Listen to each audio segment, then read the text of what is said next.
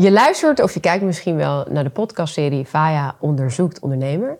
En vandaag in de studio, of eigenlijk in mijn huis hier in Purmerland, eh, niemand minder dan Roland Kaan, Amsterdamse ondernemer, die zijn carrière startte op zijn zestiende toen hij het ouderlijk huis verliet en de wijde wereld intrad. Hij kreeg een baantje bij de Bijkorf als inkoper en al snel kwam zijn eerste zaak, volgens mij met de naam Privé. En daarna een uh, eerste vestiging van Coolcat met zijn huidige voormalige vrouw, bedoel ik, uh, Gabi. Dat werden er vijf in dat eerste jaar, vijf Coolcat winkels. En al snel 130 winkels. Maar soms zit er aan succes ook een keerzijde. En in dit geval ging Coolcat failliet. En uh, ik ga het vandaag hebben met Roland over vallen en opstaan. En wat maakt een ondernemer nou een echte ondernemer?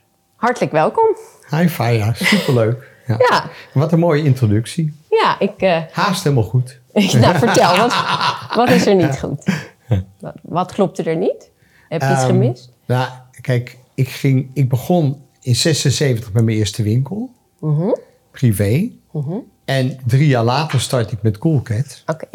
En in dat jaar opende ik vier Coolcat winkels heel, heel kort achter elkaar in nog geen vier, vijf maanden.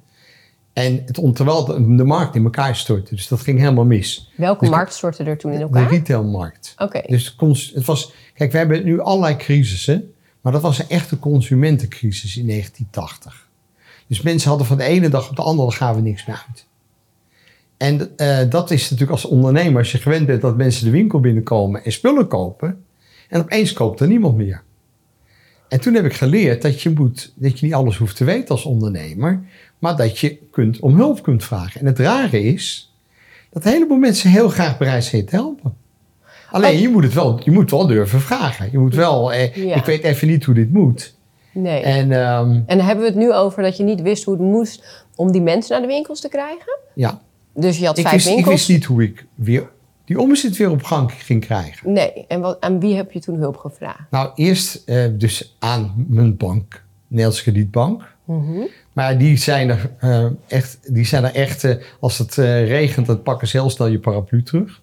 Het is waar ik nog zes maanden daarvoor ja, een held was in een spijkerbroekje en, een on- en een drie dagen baardje.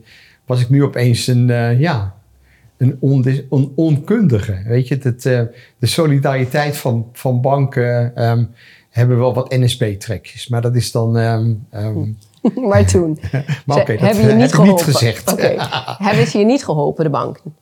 Toen. Ehm, nee, die, ehm, die zijn alleen maar bezig met hun eigen veiligheid. Maar wie heeft je toen wel geholpen? Jaap Kronenberg, mijn huisbaas. Want die had een groot belang. Vertel. Die had drie van, eh, drie van de winkels huurde ik van hem. Ja. En hij had me ook nog geholpen. Hij, wilde, hij heeft mij eigenlijk enorm vooruit geduwd. Want hij had ook nog twee verbouwingen gefinancierd. Oké. Dus als ik ging, ging, ging ik, zat hij ook met zijn velletje tussen de deur. En hoe ging Ja, dat dan? was maar heel klein, hij had een heel groot vel, hè? Dus dat was maar een heel klein stukje van zijn enorme vel. Maar, maar hij, hij zei tegen me: "Joh, Je moet die rotsen eruit gaan, maar je bent veel te duur, klootzak. En netjes de huur betalen, jongen. Weet je, nou, weet je. Dus Dus ik- wat zei hij? Je bent veel te duur en netjes de huur betalen? Ja, je moest al die rotsen eruit rammen. Oh. En dus, dat, hij bedoelde dus dat mijn spullen te duur waren. Ja. En was dat zo? Ja, natuurlijk. Want als de klant- klanten niet kopen, dan ligt het nooit aan de klant. Het ligt altijd aan jou. Ja. Ja. Mooi. Dus, ehm, dus ik deed iets niet goed. Ik had wel spullen, maar in een hoogconjunctuur wil iedereen van alles wel betalen. Maar in een laagconjunctuur winnen alleen de discounters. Ja. Dat zie je nu ook weer. Ja. Ja? Dus toen ben ik als een speer mijn spullen gaan afprijzen. Ik heb nog een hele mooie foto van Van Koelken met allemaal borden, kleding buiten. En, eh, op de, en, het, ja, en, en toen ging opeens ging het weer lopen. En dan gingen die fabrikanten bellen en die zeiden ja, eh, u, u betaalt niet. Ik zeg nee, betaalt iemand wel. Het is heel slecht nu. Ik zeg maar weet je wat, ik kan niet iedereen betalen. Eh, ik verkoop alles nu voor 50%. Als jij mij 30% korting geeft, dan word jij van de week betaald. Nou, er waren altijd wel een paar leveranciers die zeiden, nou doe mij maar die 30 korting. En aan het eind van de rit pikte, pakte haast iedereen 30 korting. Want iedereen die geen korting gaf, werd even niet betaald. Ja. Ja. En, en dus ik kreeg 50, maar ik betaalde 70. Ja. Ik maakte wel nog wel heel weinig winst, maar ik maakte wel weer omzet. Ja. En een heleboel anderen maakten geen omzet, Nee. gingen om. En, ik, en in mei eh, was ik dus weer liquide. En was die strategie toen zo gebleven met die korting? Of moest je daarna weer de normale... Nee, toen dacht ik, ja, ik ga niet meer duur zijn. Ik, Nee. Dit is het geheim. En Ja. toen ben ik dus eerst in Portugal en in Turkije... ben ik overal gaan, bij echte fabrikanten gaan inkopen. Ik was natuurlijk veel te klein. En toen ben ik in 86, toen had ik eh 17... Nee, wat had ik? In 86 had ik ja, al 18 winkels. Toen ben ik voor het eerst naar Azië gegaan. En toen ben ik in Azië gaan inkopen. Nou, toen ging het heel hard. Toen zat ik dus echt bij de bron waar het weinig kostte. En als het weinig kost, kan je het ook voor weinig verkopen. En dan hou je ook nog wat over. Ja, en, en dat is die grote groei geweest. We eigen kantoren geopend, 89 in India, eh 95 in Hongkong, 97 in Shanghai. Ja, toen, ja, toen eh, in, in 2001 had ik eh, 135 winkels. Mooi. En, vijf- en v- 80, 160 miljoen omzet. En maakte ik 10, miljoen- 15 miljoen, hoeveel miljoen winst per omzet? jaar. Sorry? Hoe- hoeveel miljoen omzet was dat? Toen 150. In mijn, top, mijn topjaar heb ik 186 miljoen omgezet met Coolcat. Maar in mijn topjaar met mijn hele modegroep heb ik 460 miljoen omgezet. Jeetje. Ja, Heel even terug naar eh, het begin. Ehm, klinkt zo lekker hè? ja, het klinkt, het klinkt heel erg lekker. Maar ik, ik zag je wel nog zelf weer aankomen rijden. Je hebt nog geen chauffeur, hè? Ik heb een chauffeur gehad. Ja. Maar ik ben nu sinds drie jaar ben ik conciliëring. Drieënhalf jaar, haast, ja, haast vier jaar inmiddels. Dus mijn zoons runnen het bedrijf. Dus ik heb geen functie meer. Dus je mag geen chauffeur meer nemen op de zaak. Nou, ik, ik heb niet genoeg eh, echte ritjes voor een chauffeur. Weet je, wij, wij, zijn, wij, blijven, genoeg- wij, blijven wel, wij blijven wel pennywise. Weet je, we blijven wel echt geld over de balk gooien en geven het veel liever aan liefdadigheid. Dus als ik toen ik. Maar je vindt dus het genot voor jezelf op dit moment, want eh, ik weet niet of ik dat mag zeggen, maar je, je hebt eh, eh, fysieke problemen een beetje, hè? En dan kom je binnen met, oké, ik heb daar soms last van, nou, van mijn handen bijvoorbeeld met het autorijden, maar dan, dan noem je dat eigenlijk geld over de balk gooien om voor jezelf zoiets als een luxe van een chauffeur te nemen. Terwijl je net vertelt dat je omzet hebt gedraaid van 400 nog wat miljoen. Ja, het, ik, ik, ik denk. Kijk, ik ben met niks begonnen. Dus ik heb respect voor iedere cent. En ehm, als ik een, eh, een, eh, een spreekbeurt heb in Rotterdam. of ik moet naar Arnhem. dan neem, neem, huur ik altijd een chauffeur in. Ik ga niet lang achter het stuur. Maar twintig minuutjes van waar ik woon naar ja, waar jij woont. Ja, en ik kreeg dus onderweg een krampaanval. Dat is, kan best gevaarlijk zijn. Nou ja, ik, ehm, ik, eh, ik heb twee handen. Dus meestal zit die kramp in de ene hand. En dan moet ik hem even wegmasseren. En dan komt hij. En het duurt ook nooit lang. Oké, het zijn maar allemaal bijeffecten van, van, die, van die ziekte die ik heb gehad. Ja, dat snap ik. Ehm, ik hoor je zeggen, ik heb elke cent moeten verdienen. Hè? Ik heb wel eens eerder natuurlijk eh, contact met je gehad. We hebben wel eens samengewerkt. En ik, Ja. heb, ik heb veel daarvan geleerd. Ik heb daar ook eh, geluisterd naar, naar dingen die je Ik heb ook zei. wel van jou geleerd. Dat is mooi. Maar een van de dingen die ik... nou, ik wat me- ik van jou heb geleerd hoe, hoe jij zo kan knokken voor alles. Ja, maar ik zie jou dat dus ook doen nu. knokspirit, Weet je? Dat is wel heel stoer. Ik, ik, ik heb geknokt, ja. Ik ben nu wat, wat milder en wat liever voor mezelf. En ik heb het on- ook onderzocht waar dat knokken vandaan kwam. En het mag nu iets minder de overhand nemen. Maar als ik naar jou maar kijk... dat was geen verkeerde zaak, hè? Nee, nee, nee. Het heeft me heel ver alleen, gebracht. alleen, het kwam wel eens een beetje lullig over. Maar je, je deed wel vanuit je puurheid van je survival struggle. En dat begrijp ik. Ja. Weet je, want ik heb natuurlijk toch ook, ook van helemaal niks. Dus, weet je dan, en, en ja, het zit een beetje in ons dat we niet houden van verspilling. Nee, dat wil maar- niet zeggen dat we ons niet heel veel terug- gunnen. En bijvoorbeeld, ik vind het bizar om met twee mensen naar Zuid-Frankrijk te vliegen in een privéjet voor 15.000 euro heen en terug voor 15.000 euro, 30.000 euro weg te gooien, Mhm, ja? Eh, de aarde verder te vervuilen, als je gewoon voor 120 euro met, de met de EasyJet of met Transavia, wat ik me dan wel weer gun, is dat ik via het VIP ga. Ik ga niet in de rij staan, mijn koffer wordt ingeladen, ik ga lekker luxe eten, ik word naar het vliegtuig gebracht, mag kiezen voor als eerste of laatste. Mhm. Dus ik gun mezelf wel luxe. Alleen ik hou niet van decadentie, ik hou niet van verspilling. Ik hou Nee, dat, niet... dat snap ik. ik daar, daar, daar kan ik je ook in vinden. En ook met eh, het oog op het milieu. Absoluut.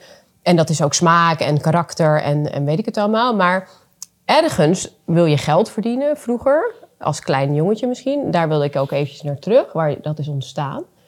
ehm, om een reden. Veiligheid. Ja. Maar als jij 250 miljoen hebt of 150 miljoen, maar je wil een miljard, dan kom je nog 750 miljoen tekort. En blijf je dan niet altijd zitten in dat stukje tekort? Ja. Kan je dan niet waarderen wat je nu hebt? Nee, nee, maar je moet... Ik geloof in tevreden zijn, maar nooit voldaan. Dus ik ben iedere keer weer ben ik in staat om mezelf een schouderklopje te geven. Zeggen, yes, fuck, dit deed je. Toch maar weer even goed. Maar ik doe ook veel dingen fout. En doordat je blijft groeien, doordat je fouten blijft maken, blijf je leren. Doordat je blijft leren, blijf je groeien. En stop je iedere keer weer de next level. Nou, nu ben ik dus conciliëren ik adviseer. En mensen, het vervelende is dat haast iedereen die dan met mij praat, wil dan ook dat ik zijn conciliëren moet. Kan natuurlijk ook niet, hè, dus je moet keuzes maken. En dan kies ik nu niet voor het geld.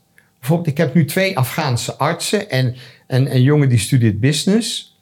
En die zijn een waanzinnig high-end kliniek begonnen om je gezicht op een hele natuurlijke manier strak te trekken. Met een high-wave machine.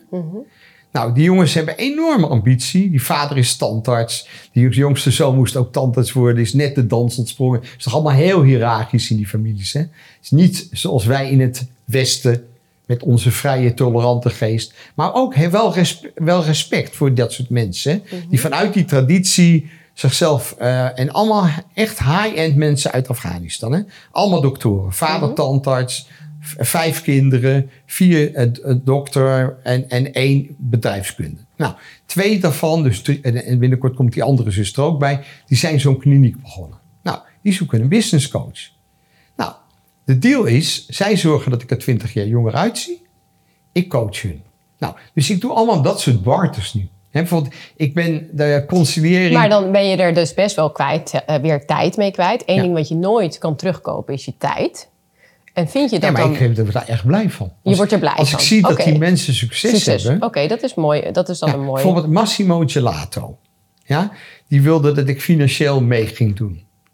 Hij had een eikel van een boekhouder. Die had hij een stuk van zijn aandelen verkocht. En eh, ik was... ehm, toen ik eh, eh, kanker kreeg in het, eh, 2017... Toen kwam mijn neef, Yigal, kwam me opzoeken naar de operatie. En die werd zo'n grote beker Massimo Gelato. Ik had er nog nooit van gehoord. Nou echt het lekkerste huis van Amsterdam. Dus ik op Instagram die beker ijs neergezet. Ik had dagelijks volgers, ik heb nog steeds dagelijks volgers op Instagram. Maar Massimo, die kent mij natuurlijk uit het bedrijfsleven. Ik was helemaal gecharmeerd van het feit dat ik die beker ijs... Had dus die nodigde me uit voor koffie. Dus ik bij Massimo, hij had ook waanzinnige koffie uit Italië. Ja? En, ehm, nou, en toen zegt hij, eh, zou jij eens een keertje met me in de, voor de winkel willen kijken? En hij heeft dus een winkel voor de Oostadestraat op de hoek in de pijp. Waanzinnig druk. Staat een enorme rij. Zo'n deurtje. Mensen gaan door dat kleine deurtje erin en eruit. De helft van de ruimte is benut met een toonbank. De andere helft van de ruimte is vrij. Dus ik zeg, Massimo, erin, daar, eruit, daar. Routing maken. Toonbank twee keer zo lang maken, meer mensen erachter. Hij maakt 30% meer omzet. Twee simpele tipjes. En heb je daar een fee voor gerekend? Niks.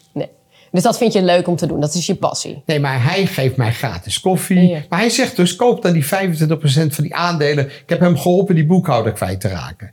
Dus die aandelen waren vrij. Hij zegt, koop die aandelen. Zijn zoon tegen mijn pap, doe even normaal. Weer een Je gaat er niet op je, op je, op je 65, nee, was 67, eh, in ijswinkels investeren. Ik zeg, joh, dat wordt goud geld.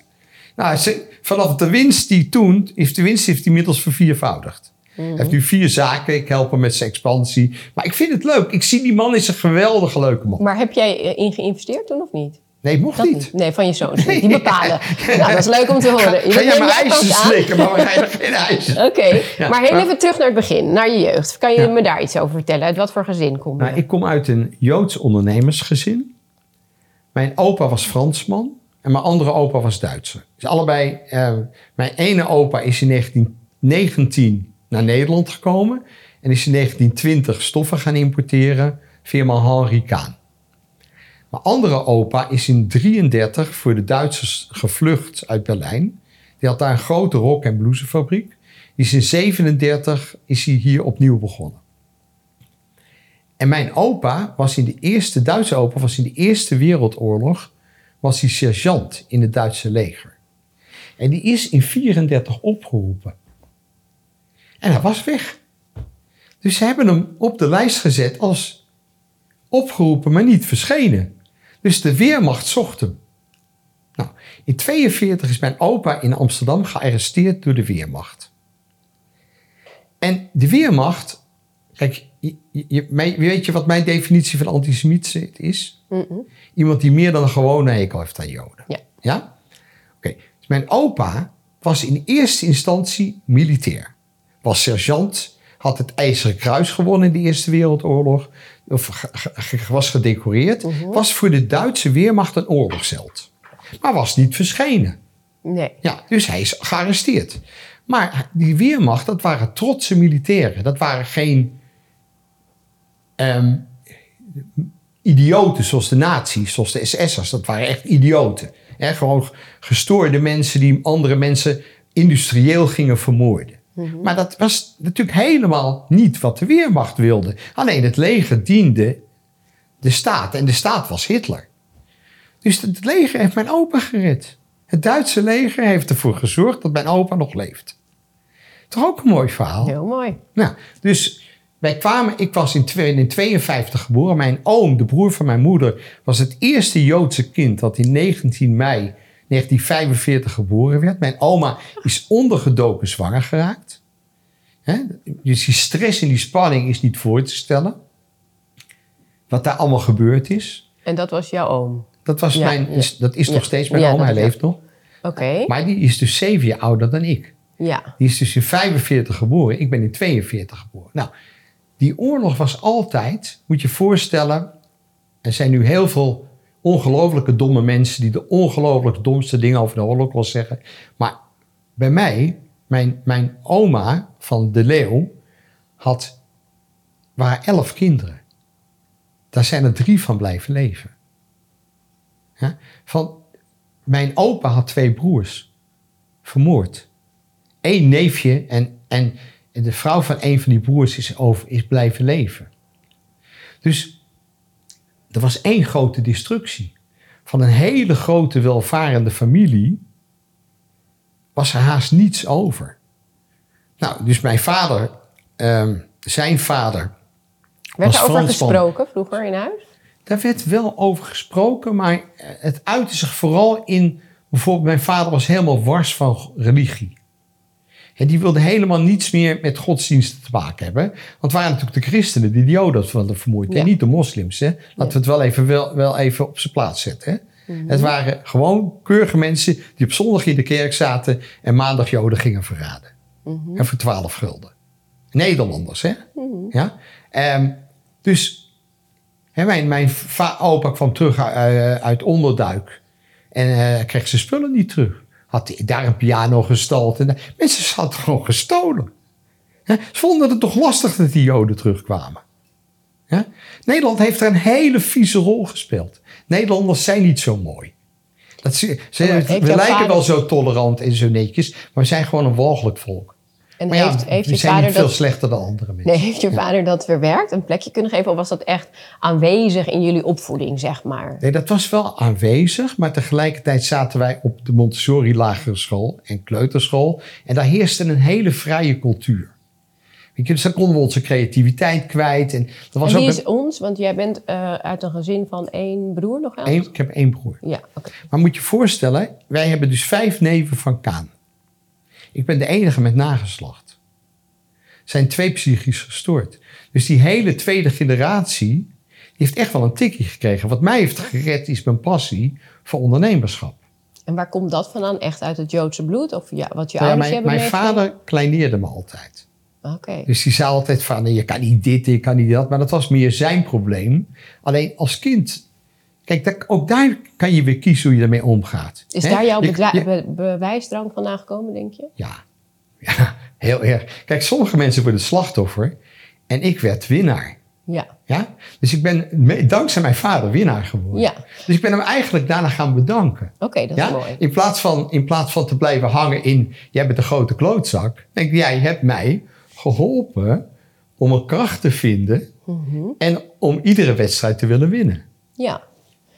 Maar wanneer is het genoeg? Is dat het moment dat je je vader hebt bedankt? Dat je kon zien waar het vandaan kwam? Heb je het een plek gegeven? Heb je hem helemaal aangenomen zoals hij is? Ja, je, je stelt hele mooie, diepe vragen. Kijk, er zit altijd pijn. Het is nooit dat die pijn helemaal weg is. Maar als je begint met vergeven en loslaten.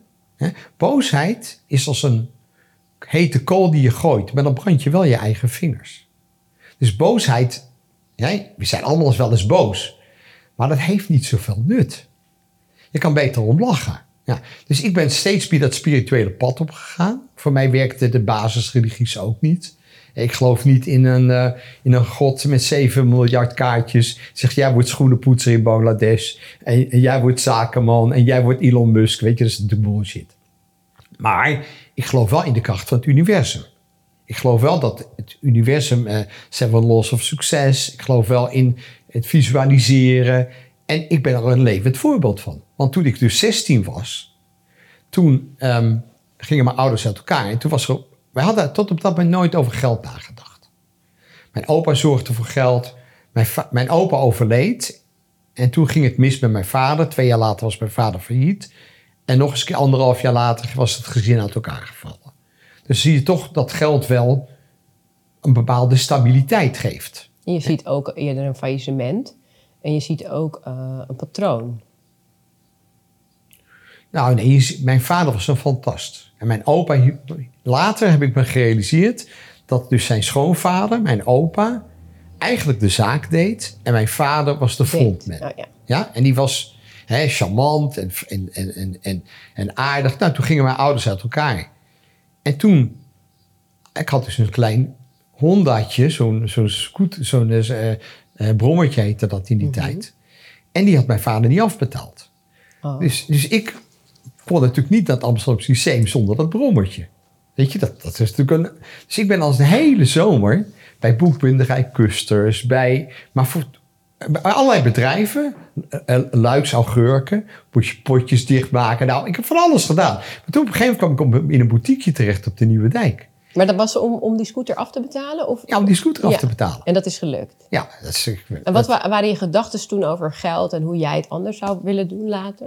Nou, ik kwam dus in die winkel en ik verkocht de sterren van de hemel. Die mensen op de Nieuwe Dijk kwamen van heide en verre, kwamen boerenbeentjes. En dan hadden ze krijtstreep pakken in het magazijn hangen, die al vijf jaar niet aangeraakt waren. En dan verkocht ik die krijtstreep pakken met lila hemden en gele sokken en een gele das.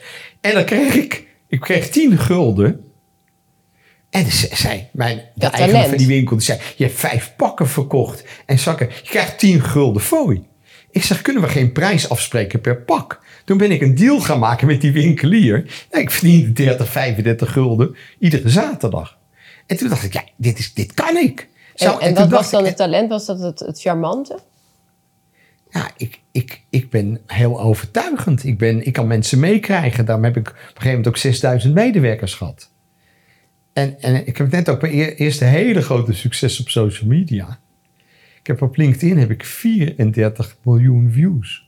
Op een post, op één op, een- post. op één post. Maar daar komen we later. Ja. Eventjes nog... Nee, eh, dus- nee, maar ik hoor jou vertellen dat je vader één talent had. En dat was flamboyant zijn. eh. Ja, dus kan ik zeggen dat jij dat...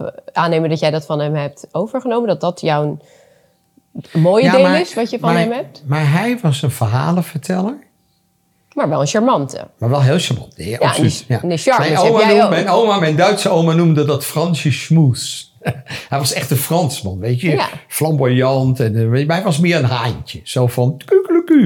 En, en, en eh, ik had dus op een zestiende stond ik in die winkel en er was dus geen geld meer. Toen dacht ik, zou het nou niet fantastisch zijn als er een tienerformule is. Het was 1968, hè. Was helemaal geen fuck. Het was CNA, was Hollandkamp, er was Brennick Meijer. Ik bedoel, er waren helemaal geen leuke boutiquejes. Het begon een beetje op de Nieuwe Dijk. En, ehm, maar er waren allemaal kleinschalig, weet je. En Dus ik zei, zou dat nou niet fantastisch zijn als er een leuke tienerketen is... waar jonge mensen, zoals ik, die weinig geld hebben, er leuk uit kunnen zien. Het was geen H&M, was geen Zara, dat was niks. En zo is die droom van Coolcat ontstaan. En was Gabi er toen al? Nee, nee. Kwam, Of eh, Gaby? Gaby kwam in mijn leven toen ik 21 was. En toen had je al een koelketwinkel? Nee, Dat nog niet. ik werkte bij de Bijkorf. Toen werkte je nog bij de Bijkorf. Oké, dus wanneer En is... Gaby was een hele succesvolle styliste en, en kapster. Die werkte bij Roche. Dat was een, toen een high-end salon in de, de Willemspark. En deed eh, de make-up voor Laura Ashley. En weet je, was, die, die verdiende bakken met geld. En ik eh, had een kutsalarisje bij de Bijkorf. Ja. En... ehm, En toen? En toen ben ik eh, bij de bijk, ben ik, moest, ik al twee maanden, ik, ik was, voordat ik haar ontmoette, had ik een oproep gekregen dat ik vier maanden later in dienst moest. Ik ben dus voor dubbel nationaal, Nederlands en Frans, ben ik in het Franse leger gegaan. En daar heb ik mijn eerste business opgezet. Oh, vertel eens. Nou, ik was ook puur mazzel. En ik, ik liep daar dus en ze noemden mij le touriste, want iedereen wist dat ik uit Amsterdam kwam. En die Franse jongens die sparen dus. Die hebben de soldij in Frankrijk was veel lager dan in Nederland. In Nederland kregen die jongens in die tijd 300 gulden. En in Frankrijk was dat 50 Franse francs voor een maand. Dat was ongeveer 25 gulden of 30 gulden. Kreeg je wel een hele slof troep. Dat waren van die Gauloise sigaretten. Er stond ook letterlijk troep op. Het was ook troep. Maar ja, het was dus voor de soldaten, voor de troepen. En ehm, dus je kreeg een slof tabak. En je kreeg, kan je hoe sigaretten geïntegreerd waren in de samenleving. Dan praten we over 1973. Maar ik had dus een baan bij de Bijenkorf. Ik ben dus een jaar weggaan voor dienst in het Franse leger. En ik zit daar ik, zit in de onderofficiersopleiding. En een van mijn collega's zegt: Roland, eh, tu viens d'Amsterdam. Jij komt uit Amsterdam. Kun je een seksboekje voor me meenemen? Ik houdt me zo 50 Franse francs in mijn zanden. Dus ik, mijn eerste verlof na zes weken. Ik kom in Amsterdam. Ik meteen naar de ACO. En had je van die candy en die, van dat soort blaadjes. En die waren iets van 3,95 of zo.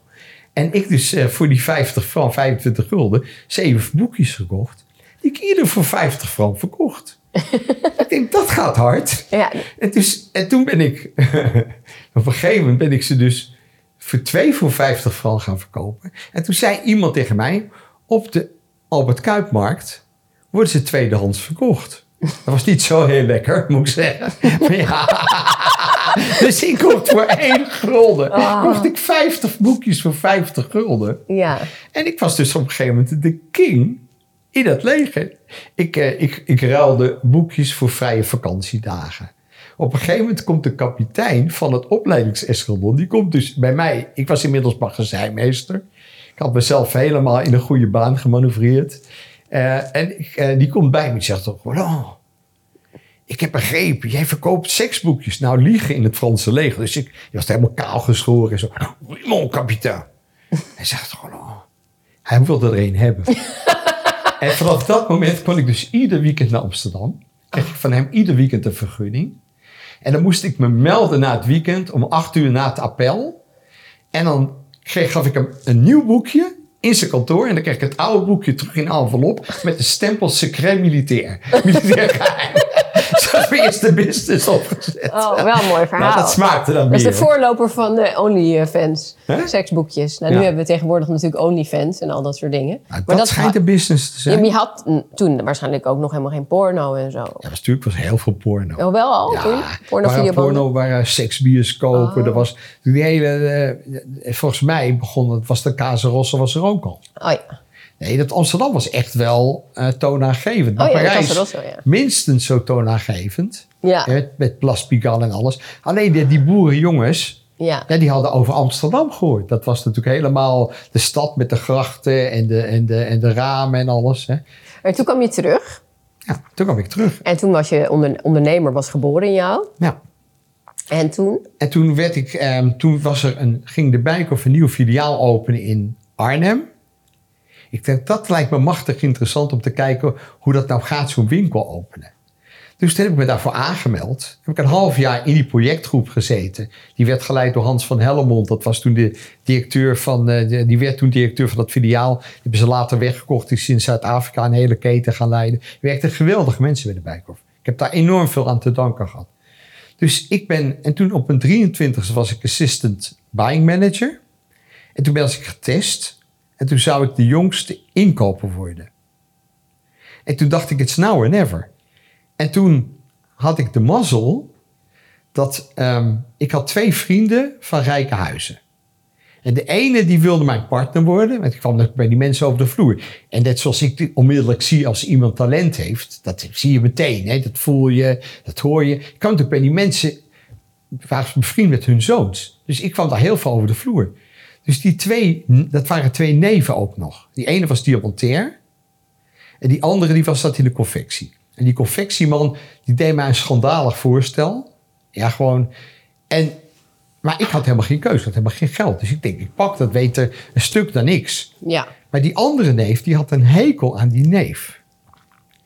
En die hoorde dat. En die liet mij bij hem op zijn diamantfabriek komen. Die zei, Roland, dan zit je de rest van je leven aan die man vast. Waarom ga je niet helemaal voor jezelf? Ik zei, ik had... Geen geld. Ik, kon 10.000 gulden bij elkaar vissen. Dat had ik. En dat had je ook nodig om zo'n zaak te openen? Nee, ik had een ton nodig. Oh, een ton. Echt? In die tijd was dat een ton ook? Ik moest 70.000 gulden voor de winkel betalen, sleutelgeld. Oh, wauw. In 1981, wanneer was dit? Ja, dat was uh, 1976. 76, ja. 70.000 gulden. Oké. Die dingen, die winkels, die, zo'n winkel was ingericht. Oh ja. En dat interieur, dat was best misschien wel anderhalve ton. Oh ja. Vloeren, eh, plafonds, wanden, paskamers, tapijt, hoogpolig tapijt, jukebox, paskamers, lampen. En ehm, ja, dus toen zei die oude meneer Stork, dus, eh, diamantair, die zei: Roland, we gaan een truc uithalen. Eh, wij gaan, mijn zoon en, ik gaan met jou naar de Amsterdam-Rotterdam Bank. Zijn vader van een vriend was de directeur, Servos. En we gaan tegen Servos zeggen: Norbert gaat voor de helft garant staan. Jij doet je 10 mil. En ehm, dus Norbert gaat voor 50 mil garant staan. Jij doet je 10 mil en 40.000 eh, ehm, is dan eh, het risico van de bank. Nou, dat deed de bank. Dus ben ik begonnen. Eh, eerste dag had ik 1100 gulden omzet. Maar toen ging ik dus met cash naar Parijs. Dan ging ik bij al die kleine groothandeltjes. Daar kocht ik voor 3000 gulden. en Daar kocht ik. Maar ik had dus, nadat alles betaald was. Ja, was trouwens nog heel. Maar het staat allemaal ook in mijn boek trouwens, het hele verhaal. Maar ehm, ja, ik ben ook verschrikkelijk gedaaid door die man die met die winkel verkocht. Want die heeft de helft van de lampen eruit gestolen. Maar ik had natuurlijk. Ik was, nou, ik was, wist ik veel met 24. Ik begon met 24 mijn eerste winkel. Ik had geen idee dat ik alles moest tellen, inventarislijst moest maken. Dus dat was ook wel weer leergeld. Dus ik moest voor 1200 gulden de helft van de lampen terugkopen. En ehm, ja, dan kwam die man dus iedere week 300 gulden halen. En iedere week zei ik, je gaat dat geld verzieken, Joop. Ja, dus, uh, notabene, die die zoons hebben een waanzinnig bedrijf gebouwd trouwens. Ligt ook niet aan die zoons. Maar die vader was een echte ehm, shark. Weet je, echt gewoon over lijken. Nou, en daar heb ik wel van geleerd. Dat is niet een leuke manier van zaken doen. Zaken doen is natuurlijk samen iets bouwen. Ook met leveranciers. Dan bouw je relaties op. En zaken doen is vriendschap in oorlog. Want je wil allebei graag het beste. Geld verdienen, Maar je ja. hebt elkaar ook weer nodig. Ja, Ja? Dus je moet elkaar gunnen dat je allebei wat verdient. wat verdient. Ja? Maar je moet wel proberen om te kijken hoe kan je nou voordelen halen. En bijvoorbeeld wat ik altijd deed in Azië, toen ik dus mijn tent goed begon te draaien.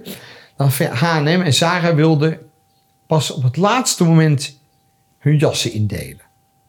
En ik dacht wel dat ik het wist. Dus dan zei ik tegen fabrikanten: Oké, als ik nou in slow season, dat ze nog geen productietijd hebben. Als ik dan jassen koop, nou dat scheelde een derde van de, van de uurloon. Nou, een goede tip. Ja, dus weet je, ze vinden.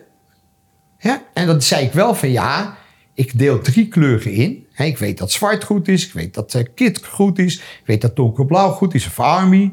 Maar één modekleur, 15% van de jassen, die lever je, eh, die lever je eh, weliswaar in april met de rest.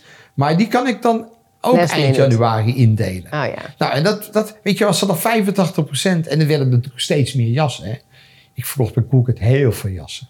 Ik was echt... eh, En we hadden wel het handje, weet je. We begrepen wel wat die jeugd wilde. Ja. Lieve luisteraar, even een klein berichtje van mij tussendoor. Misschien is het je ontgaan of misschien heb je hem al. Ik heb een heel mooi nieuw boek geschreven, het Killer Mindset boek. In 12 stappen de echtste versie van jezelf. Het is een boek waarin bewustwording absoluut centraal staat en ik ben er erg trots op. Maar wat misschien nog wel veel leuker is, is dat ik eind jaar in het theater sta met een Killer Mindset Tour. En dit wordt een interactieve tour, uh, talk eigenlijk, waarin jij centraal staat, muziek, dans, ademhalen, noem het maar op. Alles is aanwezig en ik hoop jou daar te zien. Je kunt de ticketlinks hier onder de podcast vinden. Ik begrijp Maar nog steeds wat, was die het, wil. wat was het succes van Coolcat? Als je nu terugkijkt, waar, lag het aan dat het zo succesvol Het was eigenzinnig. Het was brutaal. De ouders vonden het niks. Het was dus een echte eh, puberformule. We waren echte puberleiders. We hebben gewoon hele trends eh, op de markt gezet. Maar het luisterde dus ook heel nauw. Je moest er echt, het was echt dag en nacht erbovenop zitten. Iedere dag weer opnieuw het leven van je klanten leuk maken. Iedere dag opnieuw. Ja, Dat is wordt- heel intensief. Ja, en dan groeit het uit tot 130, 135.000, Ja. of 135 winkels. Op dat moment deed je dat toen nog met jouw vrouw? Sorry? Deed je dat toen nog met Gaby? Wanneer zijn jullie uit elkaar gegaan? Ja, veel later. Want Ah. is zij ook een onderdeel geweest van het succes? Ja, groot onderdeel. Want zij was echt de styliste. Ik heb geen verstand van mode. Ik heb verstand van handel. Er is iets, eh, oh, dat wordt heel groot. Boom. Testen, groter maken, groter maken. Hè? ehm, zowel Joshua als ik, wij kunnen altijd dingen groot maken. Vinden we leuk. Maar mijn vrouw die wist, Gaby wist, mijn ex-vrouw, hè, die wist precies. Oh ja, nee, maar kijk, eh leotards. eh, en kijk, dat model loopt in leotards en dat model loopt in leotards. Die zat er helemaal in. En ik was er wel achter dat als ik naar haar luisterde, was ik altijd te vroeg. Omdat Want zij liep, zij te vroeg voor. Oh, Dus ik moest wachten tot ze boos werd. Heb je nou nog die leotards niet gekocht? ik denk, verrek, dit is het goede moment. En ik was daar dus binnen een anderhalf jaar achter... dat ik moest wachten tot ze boos op me werd. En dat was feilloos. Het was, was nooit te vroeg. Weet je, zij liep gewoon iets te ver voor. Ja, het was er nog niet. En eh, toen is op later ook een high-end boutique begonnen. Hè, met Gaultier en al dat soort merken. Voor zichzelf. Nadat jullie uit elkaar zijn gegaan. Nee, nee, nee. Oh, gewoon Tijdens, eh, daarnaast. In, in, toen, in- toen wij met Coolcat van de start gingen... toen ehm, ging ik dat ook professionaliseren. Dus we haalden een professionele styliste erbij. En, en dan, toen ging het botsen. Want Gaby was puur emotie en gevoel. Maar geen structuur. Dus toen het bedrijf groot werd... toen zat ze ook in de weg. Hè, want die creativiteit was er wel. Dat moest ze, moest ze wel inleveren. Maar ze kon het niet. Ze kon bijvoorbeeld niet met de computer tekenen. Of ze kon geen werktekeningen maken. Ze kon het niet aanleveren aan de fabrikanten. Wij, wij deden samen plik, eh, eh, eh, knippen en plakken. Ja. Dan kochten we zes jassen. En dan lagen, legden we nu de vloer. En dan knopten we de mouwen eruit. En die plakten we in een andere jas. En dan zetten we de zakken erop. Waar, waar gewoon bouwdozen. Dat was gewoon heel erg leuk. En dat Italiaanse art director. En die maakte al die coolcat ontwerpen. En dan zetten we overal embroideries en prints op. Nou ja, dat was gewoon een hit. Weet je. Alles wat we aanraakten werd goud. Maar is het dan nog steeds zo'n succes geweest nadat ze weggingen, nadat jullie dat gingen professionaliseren? Of is het toen juist teruggelopen? Eh, nee, maar kijk, een bedrijf gaat door verschillende fases, groeifases. En zij en ik waren succesvol voor een bepaalde tijd. Maar dan moet je jezelf gaan heruitvinden. Dan moet je logistiek gaan kloppen. Je moet een heleboel winkels gaan bevoorraden. Dat moet snel gebeuren. En je voorraad, een van onze successen was een hele hoge omzetsnelheid. Die zakte weg. Hè, want alles ging langzamer. Het werd groter, het werd bureaucratischer. Er moesten managers komen. Kregen de HR-afdeling. We hebben ook hele goede dingen gedaan. Hè? Eigen H- eh, MBO opgezet. Eh, weet je, we haalden mensen in huis. Bijvoorbeeld Rashid. Dus zijn achternaam kreeg, zijn voornaam kreeg hij geen stage. Schandalig, hè? Dit land. Tolerant. Oh, maar echt eh, fuck you met tolerant. Nou, dus ik zeg, laat maar komen. Nou, die Rashid werd een van mijn beste mensen. En ook vriend van de familie geworden. Dus het, ehm, wij, wij waren, stonden wel heel erg open. Weet je, wij vonden juist... We waren het eerste echte inclusieve bedrijf. Ja. Ja, En waar is het dan eigenlijk misgegaan? nou, nee, eh, het is heel lang heel goed gegaan. Maar het is altijd met golven. Dus het gaat, kijk, niks, ook Ajax. Hè? Mhm. Dan zie je weer eens kampioen, nu is het helemaal kut. Ja. Nou, wat gaat er dan mis bij Ajax? Nee, ik snap Ja, wat je zegt. dus kijk, een bedrijf, maar had dat, je erop bedrijf kunnen anticiperen op die golf? Sorry? Had je erop kunnen, als je nu terugkijkt naar wat er is gebeurd, wat had je dan anders kunnen doen? Tuurlijk. Maar wat had je dan anders kunnen doen? Nog betere mensen in huis halen. Lag het daaraan? Nou ja, kijk, het zijn mensen die het doen. Als ik het niet kan, dan moet ik iemand vinden die het wel kan. Toch? Maar dat is in Nederland heel moeilijk. Want wij vinden als een bankdirecteur 2 miljoen verdient en die krijgt 3 miljoen, dan is het een zakkenvuller. En in Zwitserland krijgt iemand 10 miljoen. Maar was dat het? Was het eh, is uw geld dan? Om die goede mensen niet... Geld, aanzien, het klimaat. Het ondernemersklimaat in Nederland is bar en boos. Ze zijn de hele dag bezig je tegen te werken. Maar heb je dan niet zoiets als je kijkt naar het faillissement en als je dan connecting the dots, zoals Steve, Steve Jobs dat achteraf zet, dat je dan niet bijvoorbeeld iets ziet wat er waar het aan lag of wat het nee, had maar kijk waar het zijn? aan lag. Wij, wij zijn begonnen met Coolcat. En we konden in 2014 Coolcat verkopen voor 200 miljoen. En Dat heb je niet gedaan. Dat heb ik niet gedaan, want ik dacht ik bouw een bedrijf wat een miljard waard wordt. En toen hebben we, zijn we Amuk Today erbij gaan kopen, MS-mode erbij gaan kopen, SAP erbij gaan kopen. En het, ik, ik was niet goed genoeg. Jij zelf niet. Ik en mijn team, wij waren niet goed genoeg. Wij waren wel veel meer pionierondernemers. Dingen starten en bouwen. En, en wij zijn geen... Buy and build strategie. Nou, buy and build is weer wat anders. Want dat doe je dan een paar jaar. Kijk, moet je je voorstellen, Coolcat begon in 79. Maar dat is toch een buy 79. and build als je SAP Negen- erbij koopt 89, en MS. 99, 2009, 2014 was het bedrijf 35 jaar oud, was het 200 miljoen waard. En vanaf 2014 is het omlaag gedoken. Dus het, de top was 200 miljoen. En in 2019 was het failliet. Maar als Of je dus- 2018. Dus het is geleidelijk gegaan. En we hadden... Kijk, eh, eh, Maar denk je dan nu niet van... Had ik dat miljard losgelaten, dan had ik die 214 miljoen gepakt. Ja, Is dit niet Nee, maar achteraf is het nog altijd- steeds... nee, maar is het- achteraf is- Ja, maar nu, zou je het nu, hoe zou je het nu doen? Nou, eh, 2014 was het verkocht. Want is het niet de maar dat doen we angst nu voor, ook. Voor Volgende tekort? generatie is buy and build. En die koopt en die verkoopt en Ja. die koopt. Maar, de- maar kijk, het, eh, als je een pionier bent, ben je een pionier. Ik, ik, iedere dag zie ik weer nieuwe kansen om weer nieuwe bedrijven te beginnen. Dat is wat ik leuk vind. Ja. En kijk, ik kan niet iets anders zijn dan ik ben. En ik was niet... Ik was wel een hele goede start-up ondernemer. En een hele goede pionier. Ehm, maar ik was... eh, bijvoorbeeld, we zijn ook een fintech bedrijf begonnen. Wat inmiddels een hele grote fintech divisie is. Maar die basis heb ik wel gelegd. Maar mijn zoons kunnen dat wel. Die kunnen dat wel goed managen en goede mensen vinden. En mensen die meedoen met 20 of 30 procent. Weet je, maar ik, ik was veel te druk met hoe, hoe goed ik allemaal zelf was. Ik was ook een beetje egoïst. En ik dacht dat ik het allemaal wist. En dat, als je denkt dat je het weet, gaat het mis. Ik denk dat dat de grootste fout is. En, er kwam natuurlijk nog iets anders bij. In 2017 kreeg ik kanker. En dan is je focus niet meer op Coolcat. Dan is je focus, ik moet gezond worden. ja.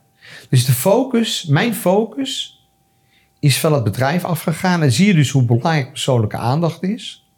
Alles wat aandacht krijgt en liefde krijgt, groeit. Mhm. En zodra het niet meer die liefde en aandacht krijgt, is het klaar. Toen ben je En ik had dus niet goed genoeg mensen om het stokje van me over te nemen. Oké, en mijn wat zoons gebeurt er dan jong. als je... eh, wat- En die hadden ook niet de ambitie. Joshua wilde geen modebedrijf leiden. Joshua wilde het hele concern leiden. Nou, dat doet hij nu samen met zijn broer supergoed. En we, zijn, we hebben nog steeds heel veel geld, hè? En heel veel geld verdiend. Is dat belangrijk voor je? Ja, want het is heel veilig. Kijk, ik Maar kan, is het veilig? Kijk, als ze morgen weer voor de Joden komen, ben ik weg. Is, dat, is dit eigenlijk wat eronder ligt, angst? Nee, niet. Kijk, het is geen angst. Maar ik hoor je zeggen, het is veilig. Ja. Nee, maar veiligheid is, is gebaseerd op zekerheid. Ja, maar niet- wat ligt daaronder? Want, Nee, en kijk, schat, kijk nou eens wat er in Oekraïne gebeurt. Ja, maar we, gaan Als jij- even, we als zijn ik- nu in nee, het maar hier als- en nu. nee, hè? maar- Wij zijn nee, hier nu in Purmerland en niet in de Oekraïne.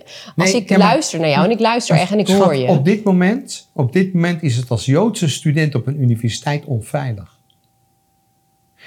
Het is, we, we zijn weer in hele antisemitische tijden. Altijd als het moeilijk wordt in de wereld, krijgen de Joden de schuld. Maar denk jij, denk jij dat het dan uitmaakt of je 200 miljoen op je rekening hebt om het veilig te hebben of een miljard? Maakt niks uit. Nee. Dus als je dan kijkt naar. Nou, het maakt wat uit, maar niet veel. Niet voor je veiligheid, toch? Niet voor het nu een vliegtuig pakken en wegwezen. Absoluut. Of een huis kopen of Nee, onderduiken. maar kijk, ik, ik, ben uit, ik ben nu adviseur. Mijn, mijn zoons hebben de ambitie om het bedrijf naar een miljard te tillen. En Hebben dat ze gaat ze echt die ook. ambitie of is dat wat jij van ze verwacht? Nee, is hun ambitie. Mijn zoon is een top investment banker. En die vindt dat heel leuk. En als hij morgen tegen je zegt, ik, ik stop ermee, ik heb er toch geen zin meer in. Dan, dan krijgt hij een hele dikke knuffel. Mooi.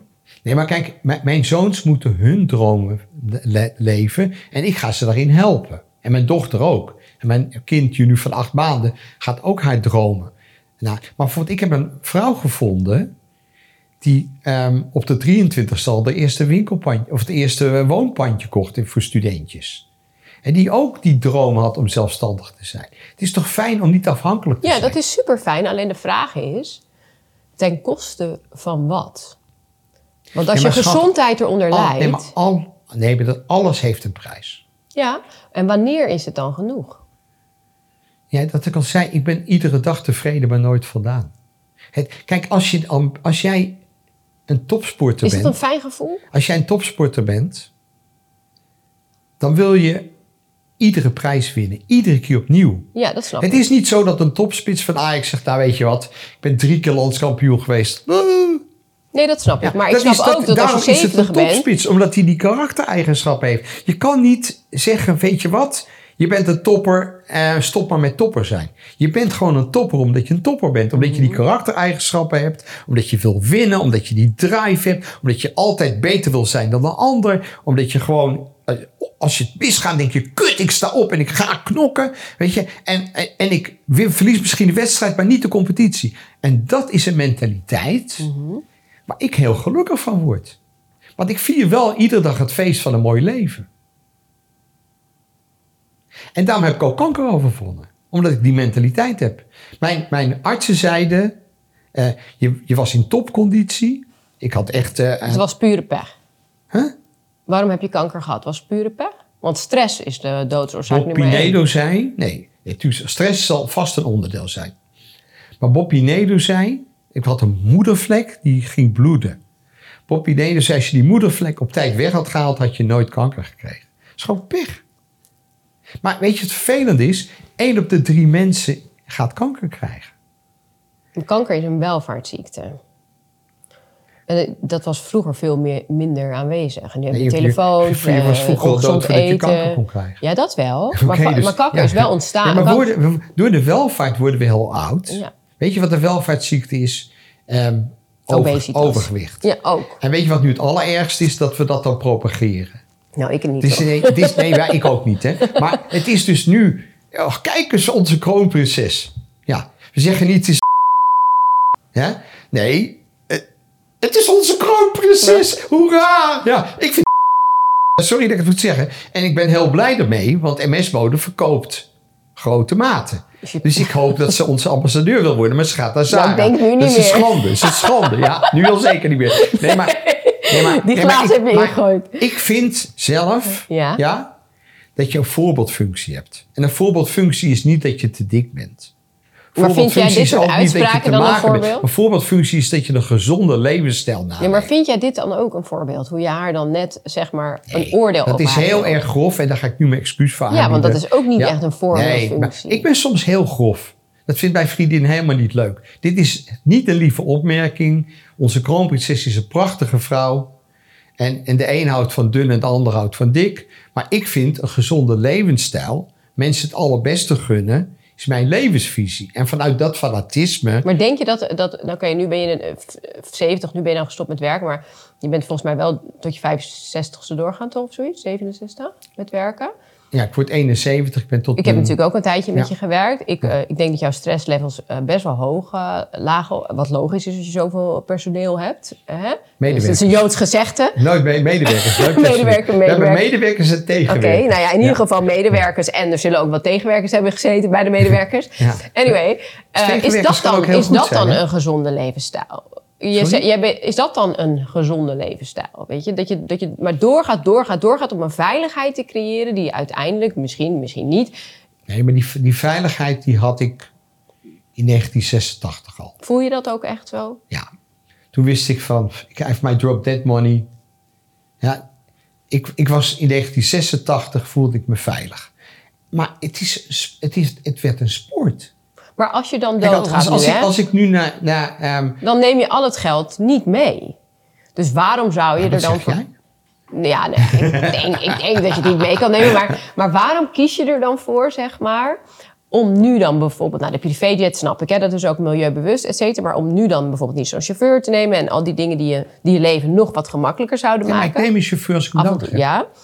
Maar dan laat Maar ik heb geen vaste chauffeur meer. Nee, maar waar, waarvoor kies je ervoor om dat geld achter te laten... en niet gewoon op te maken? Nee, A laten we het niet achter. Het geld wordt... Kijk, geld is energie. En energie moet stromen. Ja? Dus wij kopen hele mooie kunst. Ehm, we kopen eh, hele mooie gebouwen. Eh, we ehm, doen aan liefdadigheid. Ehm, we, we doen allemaal leuke dingen met het geld. Maar we investeren ook verstandig. Kijk, mijn zoons maken veel minder fouten dan ik. Die zijn de next level. Weet je, de eerste generatie bouwt het op. De tweede generatie bouwt het uit. En ze zeggen dat de derde generatie het uitgeeft. Maar dat is niet meer mijn probleem. Dat is het probleem van de tweede generatie die de derde generatie goed moet opvoeden. Nou, mijn kinderen hebben nog geen kinderen. Hè? Dus vandaar ik, ik heb nu weer een nieuw kindje. Ik heb tegen mijn kinderen gezegd, papa doet het nog één keer voor. En ehm, dus ik heb nu weer een nieuw kindje. Dat had ook één groot plezier. Maar wij hebben echt een fantastisch leven. We kunnen eten waar we willen, we kunnen drinken wat we willen. Ik heb een prachtige wijncollectie, hoewel ik nu met mijn levenaandoening even een tijdje geen wijn mag drinken, maar dat komt wel weer goed. Weet je, en ik, ik denk niet dat omdat ik zo veel successen, maar ook zoveel keer op mijn bek ben gegaan, dat ik daardoor ziek ben geworden. Ik ben ziek geworden door ehm, verkeerde focus, negativiteit in mijn leven, een hele negatieve vriendin. Kun je me daar iets meer over vertellen? Want je zegt dus niet door, door de business, maar wel door negativiteit. Maar die business heeft toch ook negativiteit met zich meegebracht? Wel, maar veel meer positiviteit. Ja, oké. dus, maar wel, je erkent dan wel door stress, denk je, van een vriendin of andere zaken. Jawel, maar ehm, ik geloof niet in dingen de schuld geven. Nee, levensstijl gaat het hier over, Sorry? toch? Het gaat over de levensstijl, de gezonde levensstijl. Ja, maar een ge- gezonde... Kijk, ik ken mensen die sporten iedere dag. En Dat opeens vallen niet ze zo dood neer. Ja, maar dat is ook niet per se een gezonde levensstijl in balans. Nee, alles, alles wat niet in balans is, ja, en wat is balans? Weet je, wat is echt een gezonde levensstijl? We vinden iedere keer weer uit dat wat we twintig jaar geleden dachten, dat dat niet klopt. Nee, dat klopt. En dat is ook weer het mooie aan de toe. Aan, aan, aan, daarom wil ik heel graag heel oud worden. Want Ik ben heel benieuwd wat hoe de wereld er in 2050 uitziet. Lijkt me superleuk. Ja? Maar dat is ook nieuwsgierigheid. Maar ehm, laat ik zo zeggen, ik ben nu tien jaar bezig met anti-aging. Ik word nu 71. Ik heb ehm, vanaf 17 gestreden tegen kanker. En ik voel me nu weer heel goed. Natuurlijk, ik heb wat dingen die niet leuk zijn en ik heb wat bijverschijnselen. Maar ik word iedere dag met een smile wakker. Ik heb waanzinnig uitzicht. Ik woon op een waanzinnige plek. Ehm, ik, ik, eh, ik heb En een waanzinnig leuke doen? vriendin. Ik heb een waanzinnig leuk kindje. Voor mij gaat er heel veel goed. Ik heb drie, twee waanzinnig competente zoons. Met mijn dochter, mijn grote dochter is kunstenares. En nu ook betrokken bij de zaak. Gaat bij ons heel veel goed. Maar niet alles gaat goed. Ja, maar dat is het leven, toch? Ja, toch. Daarom dus. Dat, dat, dan moet je, je moet van het leven iedere dag genieten. En de ene dag gaat het een beetje beter dan de andere dag. Maar En daar wil ik nog wel heel even op inhaken. Op een gegeven moment gaat dan je kindje, wat je zo groot hebt gemaakt, hè, 130 filialen, gaat failliet. Wat doet dat met je en hoe kom je daar weer bovenop? Hoe ga je met zoiets om? dat en hoe pak veel- je Dat door? deed even heel veel pijn. en dan ja, hou je schouders op. Maar ik was op dat moment bezig om weer gezond te worden. Dus je hebt dat een beetje... Het was even een heel ander... Maar ook dat staat allemaal in mijn boek. Ik wil niet Maar alles verraden. Oké, dan, dan wil ik even naar een ander faillissement in 2016 van MS. Hè? Kan je daar iets meer over vertellen hoe je daar te boven kwam? Ik kan me voorstellen dat mensen... In Amerika is het altijd een succes. Hè? Als je failliet bent gegaan, dan krijg je een applaus. En dan zeggen ze, goed, je hebt Nou ja, het geprobeerd. In Nederland word je uitgelachen. Wij, kijk, wij hadden het, het faillissement van MS-mode kwam niet doordat ehm, het echt failliet moest gaan, het bedrijf. Maar kwam door, een, ehm, door de ehm, Rabobank die niet bereid was ons nog langer te supporten. Krediet werd Rabobank heeft het bedrijf het faillissement ingedouwd. Oké, en hoe, wat deed dat toen met je? Nou, ik ben toen gaan strijden. En ik ben eerst heel boos geworden op de Rabobank. En die hebben ook een tik gekregen. Weet je, je gaat mij niet eh, slaan en dat, er geen, geen, eh, dat je geen schrammetje krijgt. Voelt dat dan goed als je dan wraak neemt? Nee, het was geen wraak. Ik heb alleen gezorgd dat wij aan de goede kant van de streep overbleven. Alleen de Rabobank is echt een foute organisatie. Althans, naar mij toe waren ze fout. Ja. En ik heb een heleboel voorbeelden dat ze de andere ondernemers ook fout zijn. Ik ben En- heel en blij met Ze kunnen dat ongestraft doen. Ik ben heel blij met ze. Ja, ja dat kan. Er zijn Ja. altijd meerdere waarheden Ja, natuurlijk. nee, tuurlijk, mijn waarheid. Ja, Ik, ik, ik zeg ook niet dat mijn waarheid maar ik ben heel benieuwd hoe je ermee omging. Want ik snap dat er mensen luisteren bijvoorbeeld en die ik willen ben op een gegeven ondernemen en moment die zijn uitgenodigd door de raad van bestuur. Want die, werden, die, waren heel, werden op een gegeven moment heel... eh, ver- die vonden mij heel vervelend. Want ik zei op iedere talkshow dat ik het een kutbank vond. En, en dat ze gewoon eh, niet net de praktijken op nahielden.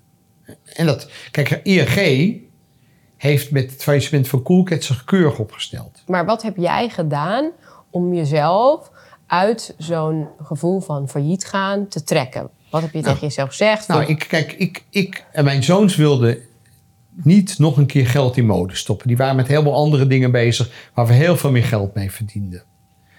En voor mij was mode passie. En ik vind grote maten ook nog steeds heel leuk. Hoewel ik MS Mode niet langer grote maten noem.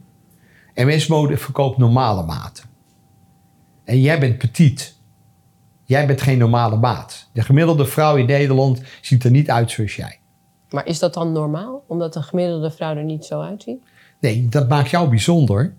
En de gemiddelde vrouw van maat 42, 44 is normaal. Maar vroeger noemde je jou normaal en hun groot. Maar sinds de kroonprinses, die zelf maat 46 hebben, Ik heb dit echt 48, helemaal ja, niet meegekregen. Ja, nee, sinds die is dus als, als dat is dus nieuw het nieuwe normaal. Oké. Nou ja, daar zullen heel veel vrouwen blij mee Dus zijn. MS-mode verkoopt aan normale vrouwen Ja, en jij koopt petit. oké. Maar wat gebeurde er met jou toen je failliet ging? Nou, met mij ehm, Niks, want je had nog geld genoeg overal. Nee, met mij persoonlijk niet zoveel. Nee? Alleen, mijn zoons wilden niet door. Ik dacht, oké, het gaat failliet. Laat de Rabobank het maar lekker uitzoeken. Laat de curator het maar uitzoeken. Maar toen kwam de ondernemingsraad. En die zeiden, ehm, Roland... Ik, was toen nog, ik had nog geen kanker, hè? En Roland, zeiden ze... ehm, wij zijn heel bang, want het zijn alleen maar opkopers... die zo'n bedrijf gaan strippen waar die bank mee praat. Eh, wij doen een klemmend beroep op jou als ondernemingsraad om het bedrijf te, Te redden. te redden en terug te kopen. Nou, heb ik er 20 miljoen van mijn eigen geld in gestopt. Toen ben ik weer doorgegaan. Het is helemaal tegen de wil van mijn zoons, maar toen was ik nog wel de baas. Nu kan dat niet meer. Nu zijn zij de baas. Ik ben ook, heb ook geen officiële functie meer. Hè. Ik ga ze ook niet voor de voeten lopen. Nee. Maar toen heb ik dat bedrijf gered. En vorig jaar maakte het weer 8 miljoen winst. Oké. En is dat waarom je vermogen van 250 miljoen naar 150 miljoen is gezakt door dit soort keuzes? Nee, maar kijk, kijk, er heeft nog nooit één cijfer in de quote geklopt. Maar wat doet dat met je als je dat Maakt me niet uit wat ze schrijven. Kijk, ik hoef niet op die lijst te staan om me lekker te voelen. Wat heb jij nodig om je lekker te voelen? Leuk gesprek met jou. Mooi, dankjewel. Energie. Ehm, leuke mensen om me heen. Gelukkig zijn. Trots zijn op mijn kinderen. Ehm, eh, bezig zijn met eh, vakantiehuis. Ehm, genieten van wat ik heb. Prachtig schilderij kopen. Ehm, eh, lekker genieten van het mooie weer. En als er één tip is die je wil geven aan ondernemers of beginnende ondernemers die misschien vandaag luisteren, wat zou je ze meegeven? Vind je passie. Vind iets waar je echt opgewonden van raakt. Dat je denkt, ja, hier word ik heel blij van. Want als je ergens heel blij van wordt, kun je er ook heel goed in zijn.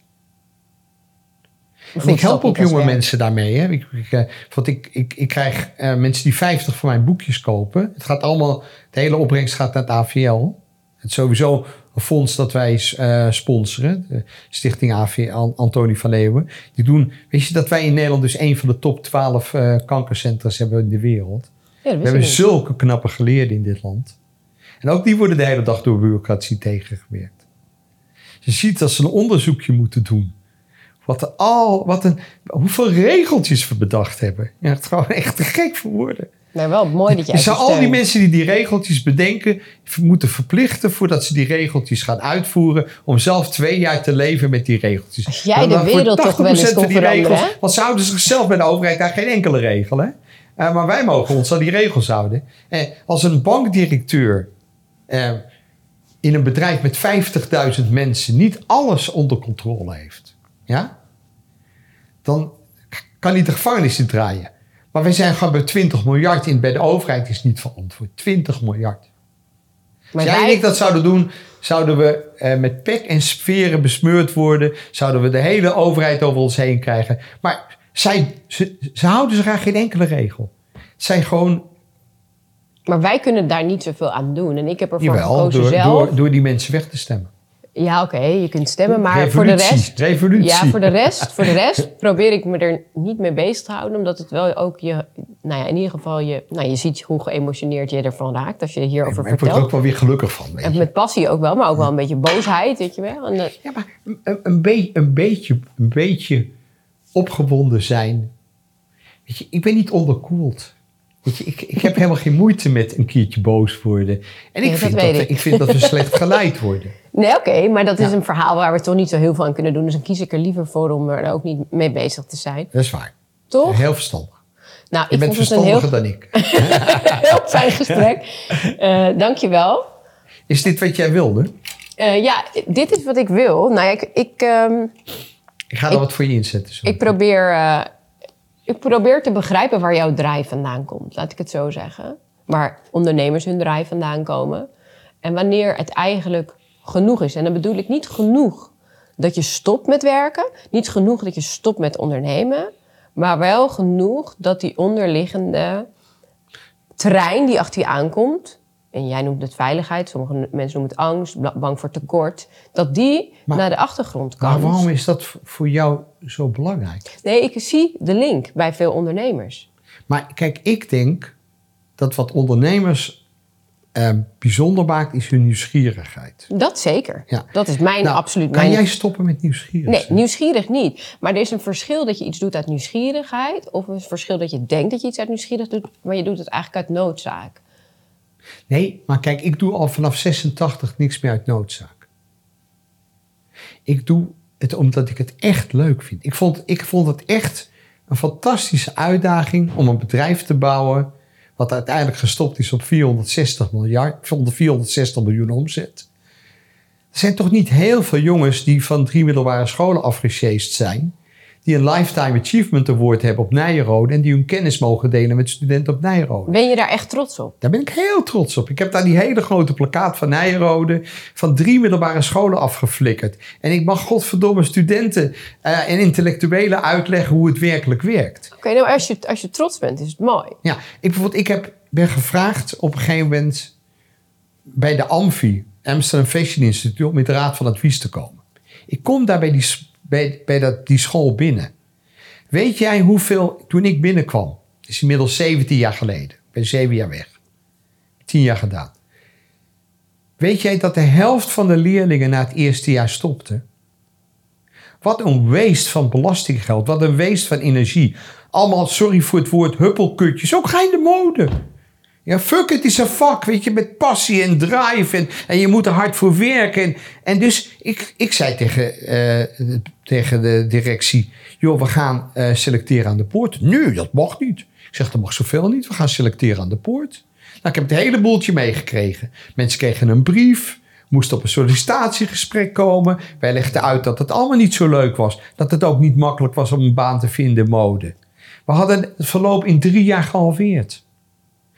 Het, kan allemaal, weet je. We hebben op, toen kwam er eh, Soraya, die werd, dat was een waanzinnige, was had ik een zeven jaar.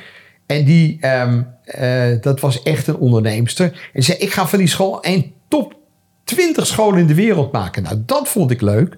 En ze zegt, nou, ik was van plan te stoppen na zeven jaar. Maar dat ritje wil ik nog wel even met je meedoen. Dan zegt ze, jij wordt voorzitter. Ik zeg, je moet mij niet laten besturen. Ook geen auto laten besturen. Niet verstandig. Ik ga met iedereen ruzie maken. Ja, maar dat wil ik juist. Ik heb iemand nodig die met al die ambtenaren ruzie maakt. Nou, dat is wel gelukt. Weet je, dus... eh, maar dan komt er zo'n visitatiecommissie. Mevrouw Den Haag. Meneer Kaan, fijn dat u hier bent. Wat is uw titel? Nou, als je van drie middelbare scholen afgestuurd bent, heb je geen titel. Dus ik zeg, mevrouw, ik ben MOP. Nou, als ik nou tegen jou zeg MOP, wat zeg jij dan? Master of Patience, heb ik het. Nee, maar je wil weten wat het is. Ja. Die vrouw zegt, machtig interessant, meneer Kaan. Oh, ja. dat is leuk. Ja, dat is leuk. eigenlijk Heeft ze samen suf gegoogeld. Het betekent Master of Practice. Ik heb het vak geleerd in de praktijk. Ik ben een master. Nou, als ze dat had gevraagd... Maar ik dat- zeg, ik ben Master of Practice. Hadden we kunnen lachen. Had er een leuke sfeer geweest. Maar met dat soort neppers wil je toch niet te maken hebben. Weet je, weet je, die mensen die niet echt geïnteresseerd zijn. Je, En, en, en, en, en, daar ben ik, komt mijn passie vandaan. Dat ik, dat ik wil graag een wereld die werkt voor iedereen vanuit liefde, tolerantie, respect en samenwerking. Als je, volgende, als je nog één vraag wil ik stellen. Als je nog een keer terug mag komen op aarde. Wat voor rol zou je dan willen hebben? Jezus. Kan je de wereld verbeteren? Jezus. en dan gaan al die mensen in de kerk gaan. Nou, dankjewel. Alsjeblieft. Roland Kaan, een man die veel heeft bereikt op zakelijk niveau. Eh, mooi om te zien dat hij altijd overal geld in zag. Ik herken dit ook wel een beetje bij mezelf, maar dit is ook aan de andere kant best wel gevaarlijk. Want wanneer is het nou goed? Hè? Wanneer is het genoeg? Wanneer ga je echt genieten van je, wat je hebt bereikt? En wanneer zie je dat zelf ook echt, dat je iets hebt bereikt? Als ik naar Roland luister, dan lijkt, is misschien een invulling van mij, maar zijn onderliggende motivatie veiligheid te zijn. Dat heeft hij ook wel gezegd. Maar onder veiligheid zit vaak angst. Angst voor onveiligheid. En ik denk dat als je dit thema aan kan kijken, dat je ook meer kan ontspannen in wat je al hebt. En als je dat misschien nog niet kan aankijken, dat je dan altijd meer wilt. Omdat wanneer ben je nou eigenlijk veilig? Dan. Ik denk dat dat echt tussen je oren zit, nou ja, in je thema. Maar dat is meer mijn invulling hiervan. Dit was de laatste aflevering van Vaya Onderzoekt Ondernemen. Het zijn vier afleveringen geworden. En eh, Sander was voor mij in ieder geval een inspiratie in het ondernemen van Killerbody. Door hem ben ik naar de bank gegaan. Door een simpele quote dat iemand tegen me zegt, een zin. Waarom ga je niet naar de bank? Daar had ik zelf niet eens over nagedacht. Ik was altijd bezig met investeerders zoeken. Daar ben ik hem super dank voor, want daardoor ben ik nu als enige nog de eigenaar. Nou, de verder en verder zusjes, wat een mooi verhaal. Die zijn zo goed in het manifesteren van hun dromen. En dat is zo'n mooi voorbeeld van hoe het werkt als je er echt in gelooft. En zij ook refereren weer terug naar het genieten. Wanneer is het goed genoeg? Eerst ben je blij met 10.000 per maand, dan ben je blij met 100.000. En op een gegeven moment ga je steeds groter denken. En wat je ook vaak ziet is dat mensen dan het bedrijf verkopen en het dan vervolgens weer gaan uitlenen aan honderd andere bedrijven, waardoor ze nog meer stress hebben. En eigenlijk nooit genieten. Terwijl als je jezelf als kind afvraagt van. Nou ja, wat zal je doen later als je bedrijf verkoopt? Dan denk je niet, oh, die 50 miljoen ga ik weer in 100 dingen investeren. Ehm, dus dat is ook een beetje waar mijn boek over gaat. Dit was, deze vier afleveringen zijn natuurlijk een promotie van Killer Mindset, wat op 4 januari uitkomt. Dat gaat ook over onderzoeken waarom je nou doet wat je doet. Hè? Wat zit nou eronder? Wat ligt daaronder? Is dat angst? Is dat gezien willen worden? Het kan van alles zijn omdat ik zag dat heel veel mensen altijd afvielen en dan weer aankwamen. En dan vroeg ik me af, wat is nou de reden dat je dan eet? En dat is vaak stress. Jezelf niet goed genoeg vinden. Dus dat was voor mij de reden weer om dit boek te schrijven. En ik denk dat het een heel mooi boek is. En Roland onder andere is een inspiratie voor me geweest. Een beetje lullig misschien om het zo te zeggen, maar ook hoe ik het niet zou willen. Omdat ik hoop dat ik toch wel met zoveel geld wat meer mezelf meer zou gunnen. Of meer rust zou gunnen. Maar ieder zijn dingen, want hij geniet van het, van het adviseren. En, eh, dus ik, ik heb ook heel veel respect voor hem. Op dat vlak. Ehm, Anyway, als je het Killer Mindset boek eh, pre-ordert op 4 janu voor 4 januari, krijg je er gratis mijn Killer Mindset programma bij. Die uh, kun je terugvinden op www.im present.nl. Mijn nieuwe missie. En dat is echt uh, mensen helpen om te ontdekken wie ze in, in, essentie zijn. En hoe ze hun droomdoelen en ook hun droomlichaam kunnen bereiken. Alle doelen eigenlijk.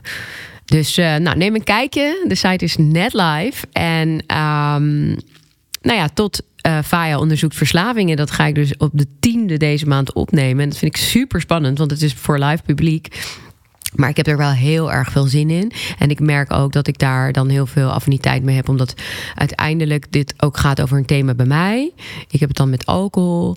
Um, en ik ga het daar graag over hebben. Ik kom ook uit een familie met heel veel verslavingen. Dus het heeft me ook wel gevormd. Um, ik heb veel meegemaakt daarin. Dus ik, uh, ik heb er heel veel zin in om dit onderwerp echt uh, bespreekbaar te maken. Nou, tot snel. Lieve luisteraar, even een klein berichtje van mij tussendoor. Misschien is het je ontgaan of misschien heb je hem al. Ik heb een heel mooi nieuw boek geschreven, het Killer Mindset boek. In twaalf stappen de echtste versie van jezelf. Het is een boek waarin bewustwording absoluut centraal staat en ik ben er erg trots op. Maar wat misschien nog wel veel leuker is, is dat ik eind jaar in het theater sta met een Killer Mindset Tour. En dit wordt een interactieve tour, uh, talk eigenlijk, waarin jij centraal staat, muziek, dans, ademhalen, noem het maar op. Alles is aanwezig en ik hoop jou daar te zien. Je kunt de ticketlinks hier onder de podcast vinden.